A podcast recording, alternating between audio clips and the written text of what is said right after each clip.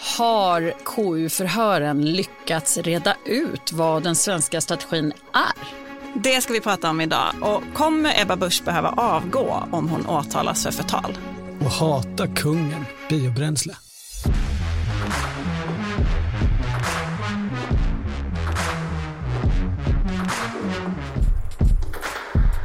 Det här är Politiken med Annie Reuterskiöld, Maggie Strömberg och Torbjörn Nilsson. Det här är en podd från Svenska Dagbladet och förutom mig Torbjörn så är Maggie här i rummet. Hej, hej. Och Annie. Ja, hej. Och idag gästas vi också av den politiska kommentatorn Göran Eriksson. Välkommen Göran. Tack så mycket. Den här veckan har ju den första fackboken om den svenska coronastrategin kommit ut, Flocken. Och i måndags var det dessutom Stefan Löfvens tur att förklara att regeringen har gjort rätt sak vid rätt tillfälle när han satt i konstitutionsutskottet och blev utfrågad. Vi har en strategi som har växt fram i konsensus att de här är de viktigaste målsättningarna. Sen så måste vi förändra åtgärderna med, beroende på vilken tidpunkt i strategin vi är inne i, vilken fas är vi inne i och hur ser smittspridningen ut och allting annat. Så det, det får vi liksom hantera vartefter. Vad, vad behöver vi göra här och nu? Ja men precis, jag gick in i lyssningsmode med ett öppet sinne, försökte vara fri från fördomar, men slogs Hur gick det? det gick inget bra alls. Nej. Man häpnar ju. Alltså, det är ju någonting med KU-förhör som är väldigt speciellt. Det kanske är för att vi är journalister, man är van vid att frågor ska vara eh, vasst ställda och eh, vasst formulerade. Men det här är liksom ett forum för alla att prata lite grann med varandra och insinuera lite saker men ändå vara lite passivt aggressiv sådär. Men ändå inte riktigt komma till punkt. Eller Det är mycket typ så här grimaser, ett höjt ögonbryn ska vara liksom kritik. Exakt, och, så här, och då undrar jag lite, hur tänkte du då? Ja, det är fascinerande. Ja, och Det- är också så, för de som kanske inte har lyssnat på ett KU-förhör så är det ju, det är ju inte bara oppositionen som ställer frågor utan det är ju även eh, partikamrater oavsett vem det är som eh, frågas ut. Och det är ju nästan det som jag har mest behållning av. För de utfrågningarna är ju mycket så här, ja men Stefan Löfven, jag förstår ju att du har försökt göra allting för Sveriges bästa. Och den balansgången måste ha varit svår. Kan du berätta om den balansgången? Men, de, de tycker jag ändå, de kan man ju stå ut med. Där begriper man ju varför det är uselt. Liksom. Ja, De, gör- det uselt av politiska skäl. De andra, oppositionen är ju oförlåtligt usla. De ska ju inte vara usla. Exakt, det är exakt. Det, är det man inte kan förstå. Det är där det blir surrealistiskt. Varför klämmer ni inte åt honom nu då, när ni har chansen? Det här har ju pågått i decennier. Det är ju så här. Och frågan är, det finns ju utbildning. Alltså vi går ju utbildningar. Man kan ju lära sig att ställa frågor. Det är inte, det är inte, det är inte omöjligt. Liksom. Men det sades ändå saker av Absolut. intresse. De pratade, I, ja, de, de pratade. Vad var Gör- intressant då? Ja, Göran, du lyssnade ju, jag tror du är den som mest hängivet lyssnade på. Det var ju Betalt för att lyssna. fyra timmar långt, eller hur? Ja, det kändes så. Ja, fall. Mm. nej, men, det, jo, det var det. Nej, men det gick ju runt eh, ganska mycket de vanliga ämnena. Det som jag fastnade för som jag tyckte var intressant det var väl det här att Stefan Löfven, det han hade problem med att svara på det var ju det här varför gjorde de, vad heter den där filmen, jag minns vad de gjorde förra sommaren, en skräckfilm. Men det här, här är ju problem för Löfven att vi minns vad han inte gjorde förra sommaren. Det vill säga han satte inte igång ett lagstiftningsarbete för att få den här pandemilagen på plats. Där hade han inget svar alls. Alltså, svaret han hade antydde att det berodde på att smittspridningen var så låg under sommaren. Precis, och trots att han inte pressades så hårt. Nej. Alltså, nej, nej. Han misslyckades på egen hand.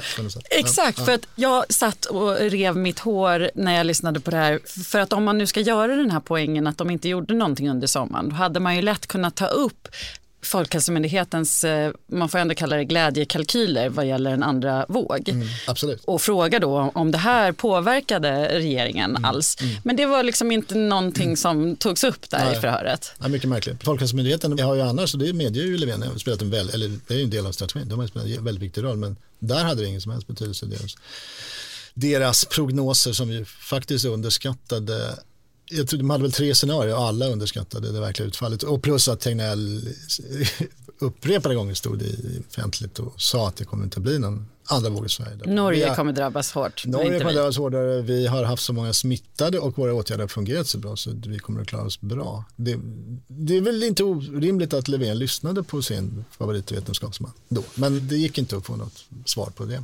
Och därför hade vi ingen pandemilag då, när man kom in i Nej. två. Nej, precis. Är det vi så hade man ingen. Vi hade det? inte, vi hade inte, alltså, den tillfälliga lät man gå ut för man inte var nöjd med den och man satte igång det här arbetet sent och man siktade i början på att det skulle bli klart först i sommar. Så man hade väldigt mycket inte bråttom och det måste väl bero på någonting.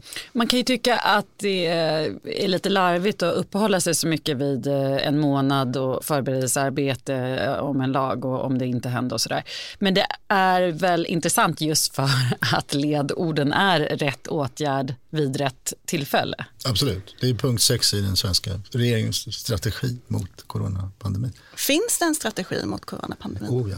Kan du beskriva Det det? finns ett papper ni aldrig kommer jag få se. men Den är inte så svår. Det är de där sex punkterna, de ligger på hemsidan, lås ut den 7 april. Det handlar om begränsa smittspridningen, balansera lite mellan liv och hälsa, ekonomi, jobb och sånt där. Och så slutar det med punkt fem, det är mina favoritpunkter, det är punkt fem, dämpa oron som jag tycker är underhållande. Eftersom de ju har växlat mellan att skrämma upp folk och dämpa oron. Det, det gör man lite som man vill. Och sen punkt sex, som också, det är väl min absoluta favorit, som är att göra rätt saker i rätt tid. Som jag, tycker, jag kallar den plattitydpunkten. Den är, det är rätt intressant. Om man skulle vända på det, att inte göra rätt saker i rätt tid. Det skulle bli en konstig punkt, tycker jag. men, men den är med i alla fall. Men det är väl just det som eh, försöker sägas här i KU-förhören. Ja, ja, ja, de har inte riktigt gjort det. Och det, ja, man kan väl säga, det är väl återkommande en svaghet i den svenska strategin. Det finns ju en sån här övergripande diskussion, vad är lockdown eller inte? Vi kommer väl in på det också. Som vi inte ska döma i nu, men just det här med rätt saker i rätt tid. För mig framstår det inte som att det har varit liksom Folkhälsomyndighetens bästa gren. Prognosmissar har man, liksom förutser framtiden från första vågen till andra till tredje. Man har missbedömt det det kanske är mänskligt, men man har inte riktigt träffat rätt. Det kan ju ingen hävda. Liksom. Nej.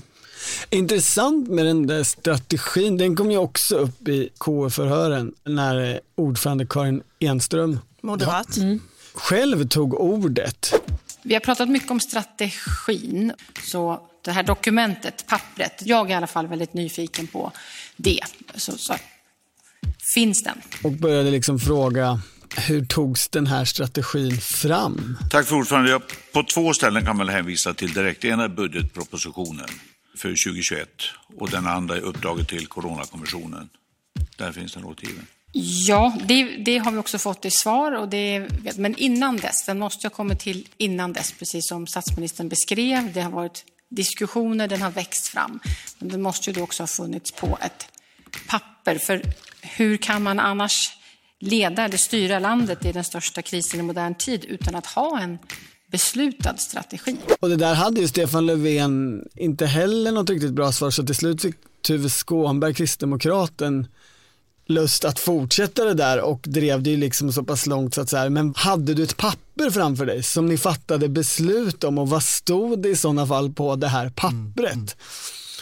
Det är ju fascinerande i sig att det liksom det blir ett politiskt gräl om huruvida det existerar en strategi eller inte och vad den är. Det berör ju en annan central eh, sak i krishanteringen och det är ju just var ansvaret för krishanteringen har legat, det högsta ansvaret. Det har ju med det här att göra. Absolut, tänker jag. Alltså, jag uppfattar att, så att säga, regeringens strategi är lyssna på Folkhälsomyndigheten, laga efter läge, se till att hålla Stefan Löfven en bit ifrån.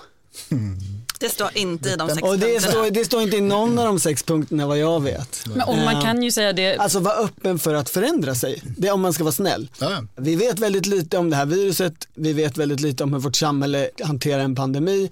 Vi lär och ser och ändrar oss och är följsamma. Men det är ju väldigt svårt att förstå hur det här har gått till och utkräva ansvar för att det är något slags, en, en kollektiv röra som kanske illustrerades mest av den där gången när strategin på hemsidan också ändrades och ingen kunde komma fram till vem är det som har gjort det? Jo, men det verkar vara någon webbredaktör som inte ens är politiskt tillsatt. Är, ingen har skrivit den och ingen har ändrat den. Det är, det är liksom sammanfattningen. Det kom ju ett svar där på, under um, KU-förhöret där Löfven har motiverat varför man har flyttat ansvaret från statsrådsberedningen där det låg förut till justitiedepartementet. Och då var argumentet, huvudargumentet var att det under justitiedepartementet lyder de myndigheter som oftast är viktiga i en kris, det vill säga polis och säkerhetspolis och sånt. Och det är, I det här fallet är det ju ganska dysfunktionellt.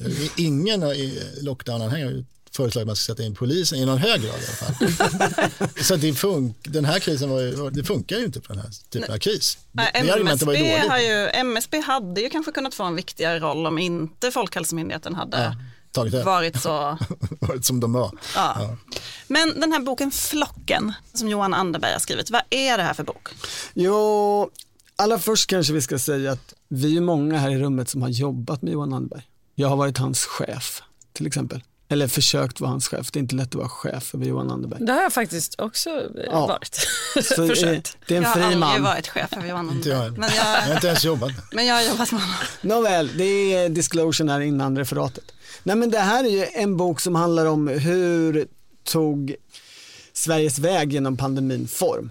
Och den börjar med tre läkare som försöker övertala Anders Tegnell att stänga ner mer. Och sen fortsätter den med en storgestaltning av framförallt folkhälsomyndighetsgubbarna och gubbarna runt Folkhälsomyndigheten. Och sen vindlar den iväg rätt mycket populärvetenskap och till slut så landar den i att folkhälsogubbarna i alla fall har haft en annan strategi eller antaganden som har styrt deras agerande och beslut Än de sex punkterna. än de sex punkterna. Så här kommer egentligen en alternativ strategi. Om det går att bedöma det, om det ska kallas strategi eller inte, går att diskutera. Och de här punkterna är då att man på Folkhälsomyndigheten bedömde att virusets dödlighet skulle vara lägre än vad många tänkte sig vid pandemins utbrott. Att nedstängningar gör mer skada än nytta generellt och att förr eller senare så kommer immunitet vara det som stoppar pandemin och skyddar befolkningen. Alltså en, eh, en naturlig immunitet, inte en vaccinimmunitet. det uttalas inte så som det skrivs i boken utan det kan vara både och i boken. Men det skrivs ju att man har gjort helt fel antaganden om hur snabbt vaccin skulle komma fram. Det är väldigt intressant den här, när den här boken kom för att i november förra året publicerade ju Svenska Dagbladet ett utdrag av boken där Johan Anderberg med hjälp av mejl från Anders Tegnell kunde visa att det visst fanns en flockimmunitetstanke som var central hos Folkhälsomyndigheten. Och det där reportaget fick ju ganska stor betydelse och användes väldigt mycket av kritikerna mot den svenska strategin. Men i den här boken Av lockdown-kritikerna. De som ville ha de som hårdare ville ha hårdare tag, precis.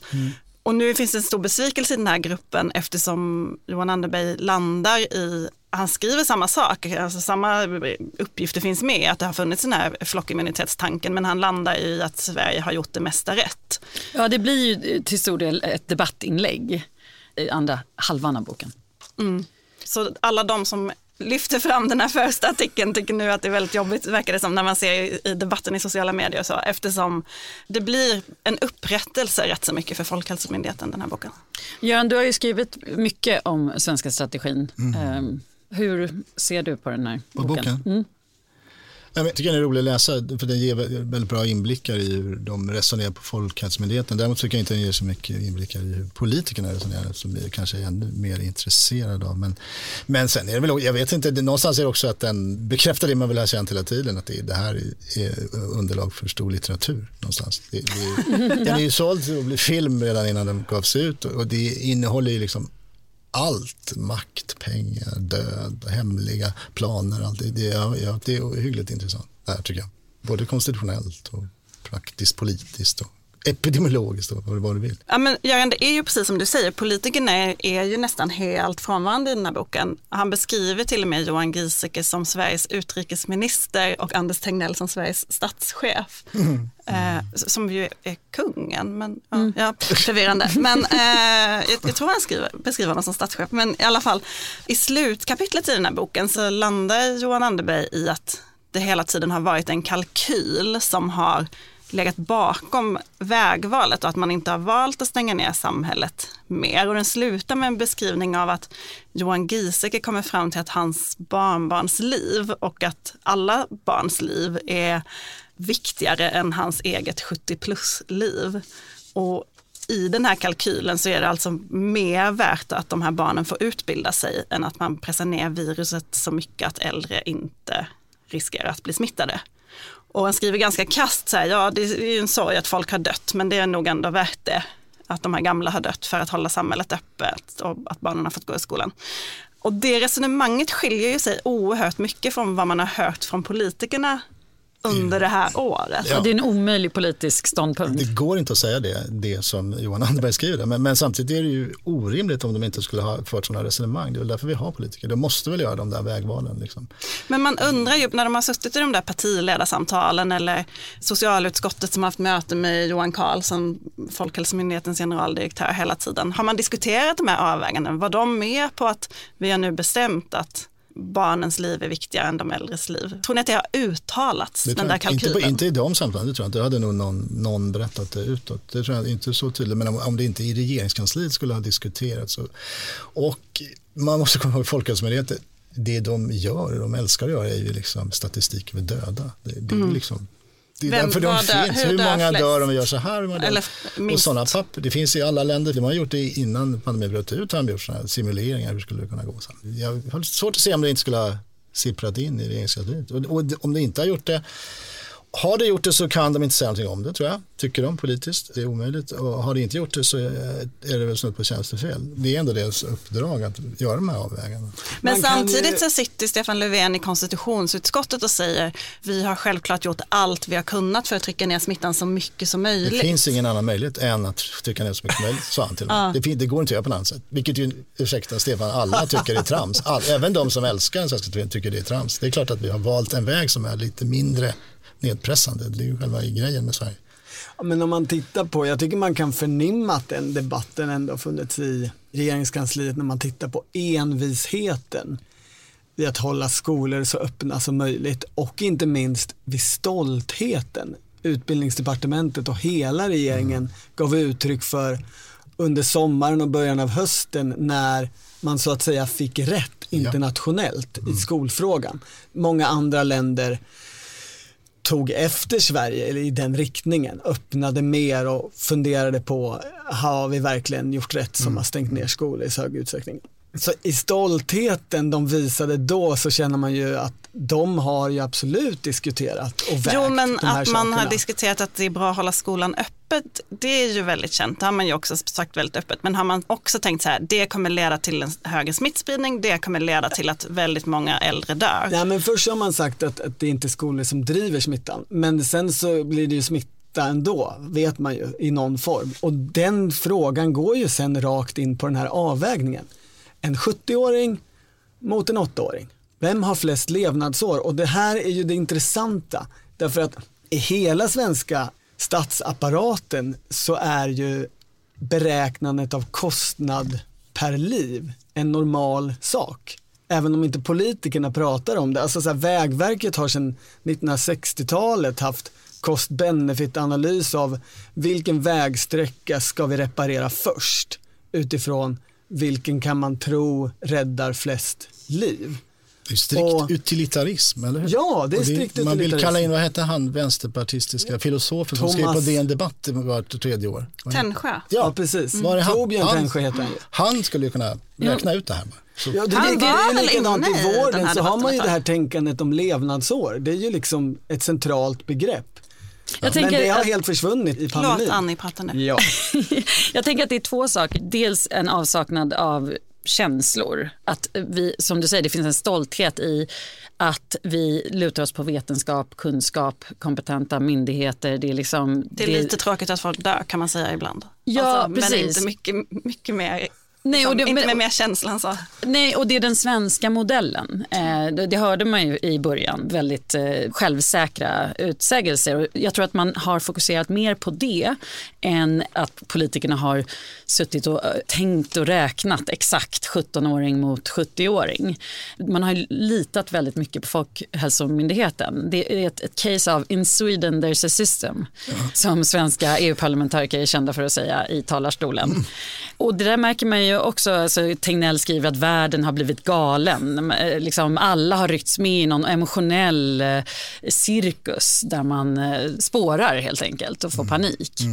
Och han säger där själv i början att det handlar om vaccin eller flockimmunitet och man tror inte på vaccin. Självklart har de här beräkningarna legat framförallt hos Folkhälsomyndigheten men politiken, man har inte velat prata om döden. Man har inte velat ta sig dit utan man har lagt ansvaret hos vetenskapen. Men det är inte så att, har, har man då sett till att få deniability, har man liksom uppmanat, kom inte hit med dina diagram. Jag vet att ni har diagram med döda men jag vill inte se dem. Eller har, har Folkhälsomyndigheten fattat att de ska inte visa upp? Eller hur, Men hur det har det där, gått till? Ja, det där vet vi ju inte för inga sådana Ingen. underlag har ju någonsin Och publicerats. jag hoppas och mycket på coronakommissionen där. För jag tror att det finns saker som vi, vi har ju försökt också, men det är ju skit, det är väldigt svårt att komma, Ja. komma in. Liksom. Jag pressade ju Lena Hallengren på det till exempel i en intervju i början där. Men har ni beräkningar? Har ni? Och hon, då var ju hon så oförstående. Vad menar du med beräkningar? Hon, hon ville liksom inte förstå mina frågor, följdfrågor på Klassiskt följdfrågor. Lena Hallengren-trick skulle jag säga. Absolut. Eh, Det var ju samma sak med den där ändrade strategin. Hon bara, "Vad me- varför skulle det här vara en grej? Vad menar du? Varför ska jag ta reda på vem som har gjort det där? Va? Precis. Och det blir ju lite så här gallimatias. Man kommer ingenstans. Nej. Och det kanske är poängen. Kanske meningen. Men det är också, det, det, vi har just nu ett intressant eh, en internationell parallell där i Storbritannien är Boris Johnson hårt ansatt efter att han har påstås ha sagt att jag ser hellre likhögar växa i gatorna än gör en tredje lockdown. Det är väl Det är ofint formulerat kan man tycka. Så där skulle Stefan Löfven inte ha sagt. Nej, just det skulle jag inte ha sagt men han skulle väl, det är vad jag menar, han, han han ska ju med. göra den avvägningen. Alltså, det är ju det hem- han låter ju hemskt, men, kanske- men det, är väl, det är väl deras jobb att just välja mellan likhögar och eh, restriktioner någonstans. Men det är ju så svårt politiskt. va? Men där finns det ju en lite dubbelhet i den här boken tycker jag som, alltså någon slags paradox kanske man ska säga. För att argumentet i boken är ju att nedstängning inte hjälper. Det är både att man valde bort nedstängning då i den här kalkylen, men det är också att det hade ändå inte spelat någon roll om vi hade haft en nedstängning för att Tittar man på andra länder som har haft det så har de fått sämre resultat än Sverige. Om man kanske inte tittar så noga på våra grannländer, som den här boken ju inte gör. Nej, precis. Och jag tror att knäckfrågan här blir, är den svenska modellen så himla bra? Har vi expertisen vi tänker att vi har på myndigheterna? Det är för tidigt att säga, men man kan redan nu säga med säkerhet att Folkhälsomyndigheten har haft fel på väldigt många punkter och väldigt mycket fel. Och jag tror att man på regeringskansliet har svettats en hel del det här senaste året eftersom man har lagt så mycket beslutsfattande där. Det pågår ju ett eh, antal olika utvärderingar av den svenska strategin och den svenska coronahanteringen. KU-förhören är ju ett, den här boken är ett, det kommer komma massa fler böcker som är på gång. Coronakommissionen kommer i höst med sitt andra delbetänkande som handlar just om strategin. Vad tror ni? Vad kommer ha störst inverkan på hur vi ser på regeringens pandemihantering av de här? Kommissionen tror jag. De har, de har ju fått väldigt starkt genomslag för. Det fick de ju för sin första rapport. Den uppfattas ju som en sorts sanning, vilket man också kan diskutera förstås. Men, men de har ju en ganska stark de, de fick ju också en trovärdighet genom, det, det, det som, som kommission får man ju en trovärdighet genom att vara elak. Och de var ju ganska elaka mot regeringen så att det gör att de har ganska stor trovärdighet framåt också. De uppfattas inte som några sorts talespersoner för regeringen överhuvudtaget. Så att, jag tror de kommer få stor betydelse. Och jag, och jag tror också att de kommer gå in på saker som inte eh, KU gör, som jag tycker är intressanta. Och vilka avväganden som gjordes. Jag tyckte deras första rapport, där kändes det som att allt de skrev om, det mesta var känt, hade redan avslöjats av medier. Men just tonen var ju, som du säger, ganska tuff mot regeringen. Men den här tror jag kommer innehålla mer saker som inte är känt. Jag hoppas det. Jag hoppas att de får tillgång till dokument som inte vi får tillgång till. Det, jag hoppas verkligen att de ser till att få. Alla har så. stora förhoppningar. fall. Men räddar den här boken regeringen då? Nej, det tror jag inte. Nej, jag tror inte den. Som sagt, det är ett inlägg. Den hamnar på ena sidan. och Men det, jag det är börjar så undra om inte regeringen redan har räddat sig själv eller av omständigheter. Alltså för ett halvår sedan och för ett år sedan för den delen också skulle jag säga, att då kändes det, alltså det här blir den här regeringens undergång. Nu eh, tycker jag det är ganska lite som talar för det. Det är ju så många saker av det här som är rörigt. Man kan så här komma fram till att ja, man agerade för sent i början. Och man kan komma fram till tre, fyra andra sådana punkter. Resten är ju liksom en gyttjebrottning av argument hit och dit som ganska många människor kanske inte orkar sätta sig in i eller redan har tagit en position i. Och hittills så tycks ju positionen vara att folk trots allt, märkligt kan man tycka, gillar regeringens pandemihantering. Tycker Ja. att den har, för, har högt förtroende för.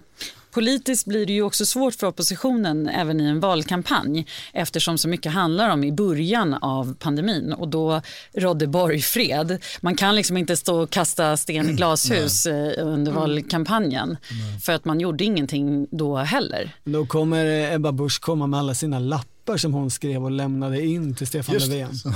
Det är det hon kommer stå och vifta med i sista debatten. Men jag tänker att den här boken ändå, även om Johan Anderberg landar i att man har gjort rätt val i Sverige, så han ger ju Ebba Busch lite rätt i berått mod. Han säger ju att det här har varit avvägningar där man har valt att låta smittan spridas av olika anledningar. Det är därför den här pandemin är så fascinerande. Vi är ju, som Löfven alltid säger, det är för tidigt att göra något om det. Just nu så skulle jag säga, jag håller helt med, det ser bättre ut för regeringen, men ge oss den indiska trippelmutationen och en, den fjärde våg som Tegnell igår uteslöt skulle komma och då Ja. vet vi att vet den kommer. Fyra fall av, fyra fall av indiska mutationen finns i Sverige sedan det. igår. Precis, men det är ingen fara. Nej. Eh, och, då, och då kanske det är för tidigt att ge det beskedet också. Just nu, ja det ser ganska, det ser ganska bra ut, men kommer en ny våg, fler döda, fler farligare smitta? Ja, jag, jag, jag vet inte, det går inte att, det är för tidigt. Löfven har rätt vill jag slå fast, det är för tidigt. Tack Göran Eriksson för att du kom hit och gjorde oss klokare vad gäller coronastrategin. Jag vet inte om jag blev klokare, men eh, det var roligt vara här.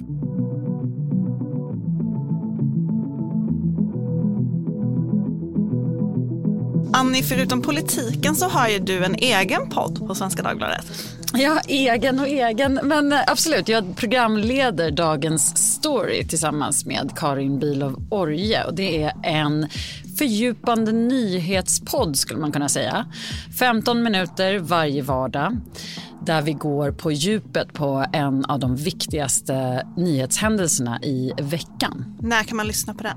Faktiskt, en minut över tolv varje dag. Det, det, det är en del som loggar in redan då. Men, På eh, natten alltså? Ja, precis. Men eh, den ligger där och väntar på er på morgonen. Och det bästa sättet att inte missa ett enda avsnitt, det är att prenumerera. En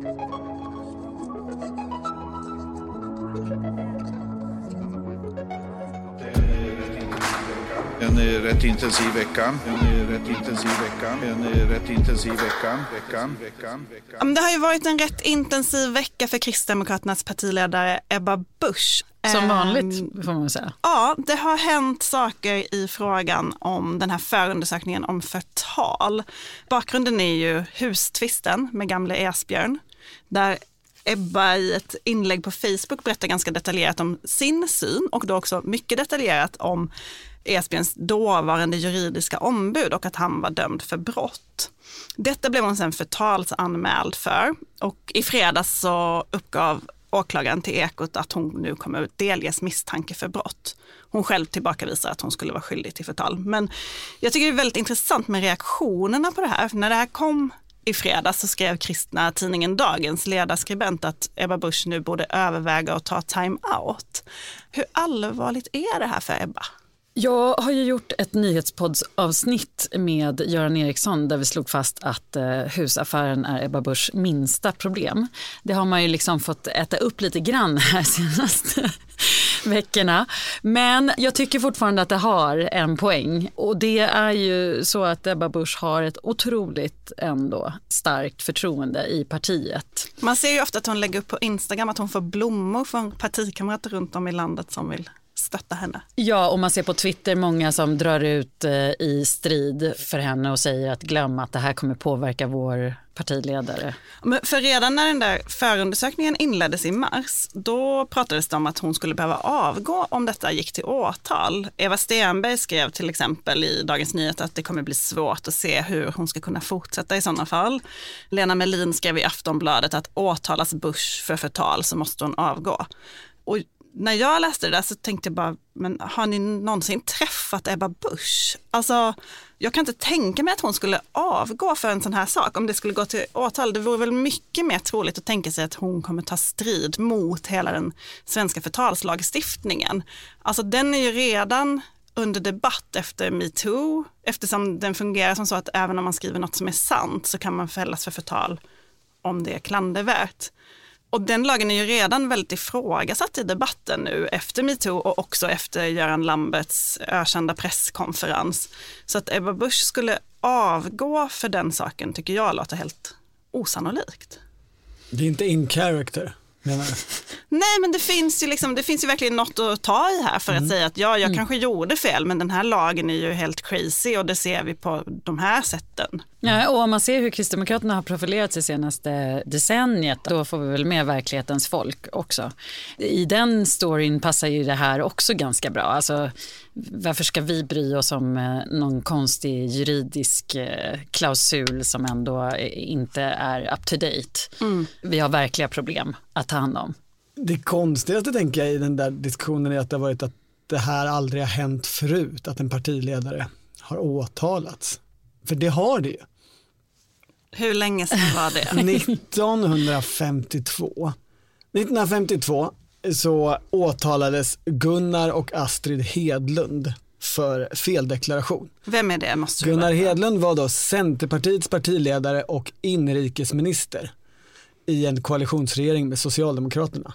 Gunnar hade underlåtit att ta upp en skogslikvid på 8000 spänn i Astrids deklaration. Patriarkala strukturer kan vi diskutera där. Men i vilket fall, häradsrätten, alltså tingsrätten, fällde Hedlund för det här brottet. Det överklagades till hovrätten som friade, men inte nog med det. Det gick ända upp till högsta domstolen som fällde.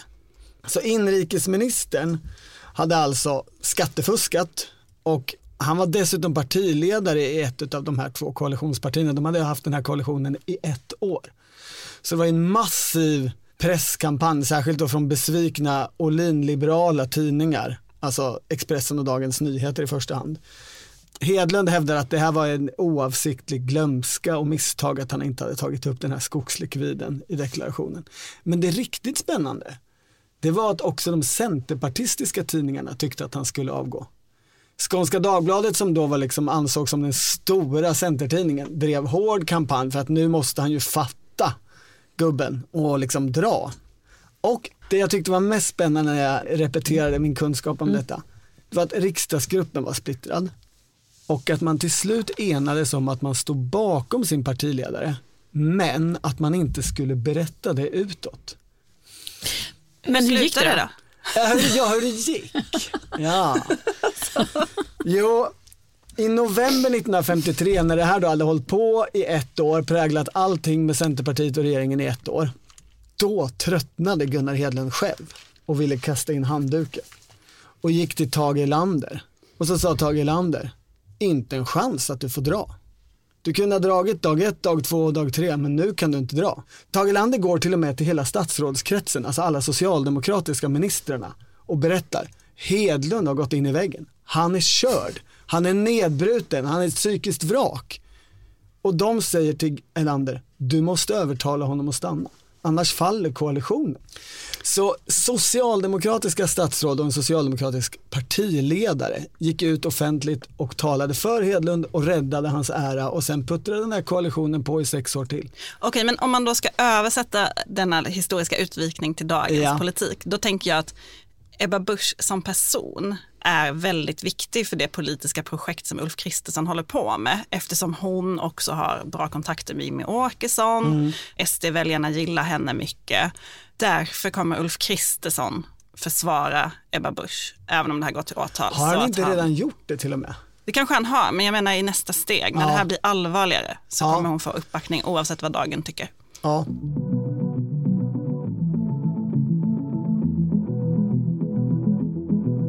Du som lyssnar på den här podden kan ju också, om du orkar sitta ner och läsa, läsa allt som vi skriver i tidningen Svenska Dagbladet. Och för att göra det så behöver man ha en prenumeration på tidningen och som lyssnare på politiken så kan man få prova en digital prenumeration i två månader utan kostnad. Då ingår allt på svd.se och i appen, tidningen i digitalformat och så kan man dela med sig till fem familjemedlemmar. Och det här erbjudandet hittar ni på svd.se politiken.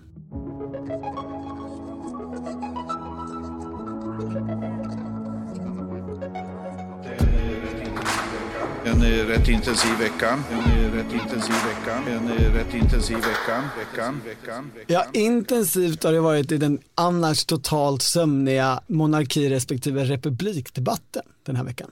Mhm, berätta. Jo, tidningen Expressen som ju sedan 1944 varit hängivna republikaner, bytte i helgen position och blev monarkister på ledarsidan. Anna Dahlberg som är chef där skrev en text där hon motiverade det här och jag tyckte att det intressanta var motiveringen för det säger så mycket om vår samtid. Hon skriver att aldrig har väl behovet av stabila och inkluderande institutioner varit större och pratar om liksom funktioner som kan förena människor och lägereldar. Jag tycker det är ett så tydligt utslag av den liksom kommunitära trenden i politiken. Både liksom konservativ kommunitära idéer och vänsterkommunitära idéer. När den liberala individualistiska ledarsidan börjar prata om behoven av gemenskap och att behoven är så stora att äh, den där principgrejen med att man ska rösta om vem som är statschef, det skiter vi Ja, men det är roligt, det är som att kungahuset har blivit som en gryta av samtiden, eller hur? Ja. Svenska Dagbladet hade en artikel här faktiskt bara för några dagar sedan om hur kungahuset har blivit woke. Och det är ganska roligt att det här händer samtidigt. Att man avsäger sig det här motståndet och tycker att man behöver en samlande kraft. Det låter ju väldigt konservativt. Mm. Samtidigt som kungahuset går och blir woke och pratar om hbtq-frågor eh, och blir politiska på ett helt annat sätt. Man ja. har ju liksom av tradition inte röstat till exempel för att man ska vara en opolitisk enhet. Men nu har ju kungen också börjat uttrycka sig lite mer politiskt. Det var intressant, kungen var ju också i podden Värvet i eh, veckan med anledning av att han fyller 75. Och det var en ganska intressant intervju för att den var väldigt hovsam som det lätt blir i de sammanhangen. Men de pratade om ämnen som var ganska politiskt brännande. De pratade väldigt länge om granbarkborren och skogen. Den tar ju åt eh, CO2 skogen och eh, samlar den och eh, behåller den i, i, i virket. Och det är ju en superhet politisk debatt, men kungen han avkrävdes aldrig några svar i ska skogen stå kvar eller hur ser du på biobränsle? Vilket var lite tråkigt, det hade varit jättespännande för han är ju miljöintresserad, det hade varit intressant att höra vad han tänkte om det. Men dit kom den aldrig. Men man kan ju undra om det här är, det kan ju se ut nu som ett eh, uppsving för monarkin, eller hur? Mm. Det, det är lätt. Estelle är så gullig. Ja, precis. Och den typen av omdömen. Men frågan är om det här med att man blir då ett mer woke kungahus, vilket då betyder, kanske man ska bara eh, vara lite tydlig med att man är mer i de här hbtq-frågorna, man är identitetspolitisk, man är ja, identitetspolitiska frågor helt enkelt. Kommer det hjälpa eller skälpa kungahuset? Jag läste en väldigt rolig intervju på morgonen på Vox med James Carville. Bill Clintons strateg. Precis. Och, eh... Trianguleringens mästare. Exakt. Och eh, han säger någonting som ingen annan i Demokraterna vågar säga utåt. Wokeness is a problem and we all know it. Och med det menar han ju att eh, den här identitetspolitiska retoriken håller på att sänka Demokraterna. Det är bara roligt att de här sakerna händer samtidigt tycker jag, att eh, kungahuset går åt andra hållet. Men det finns ju något jättespännande i det där att de frågorna har ju sett som opolitiska. Alltså kungen har kunnat ägna sig åt sitt miljöintresse för att det har inte varit riktigt på vänster högerskalan.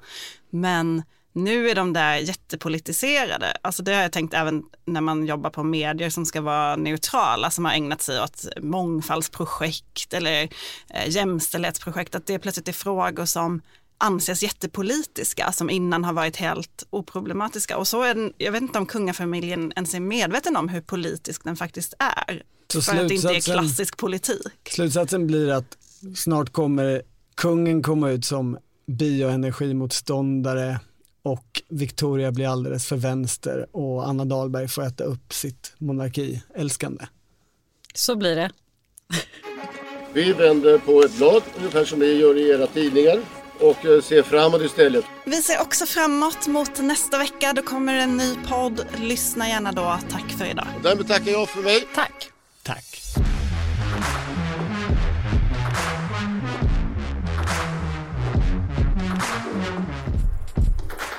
Du har lyssnat på Politiken, en podd från Svenska Dagbladet. Ansvarig utgivare är jag, Anna Kareborg.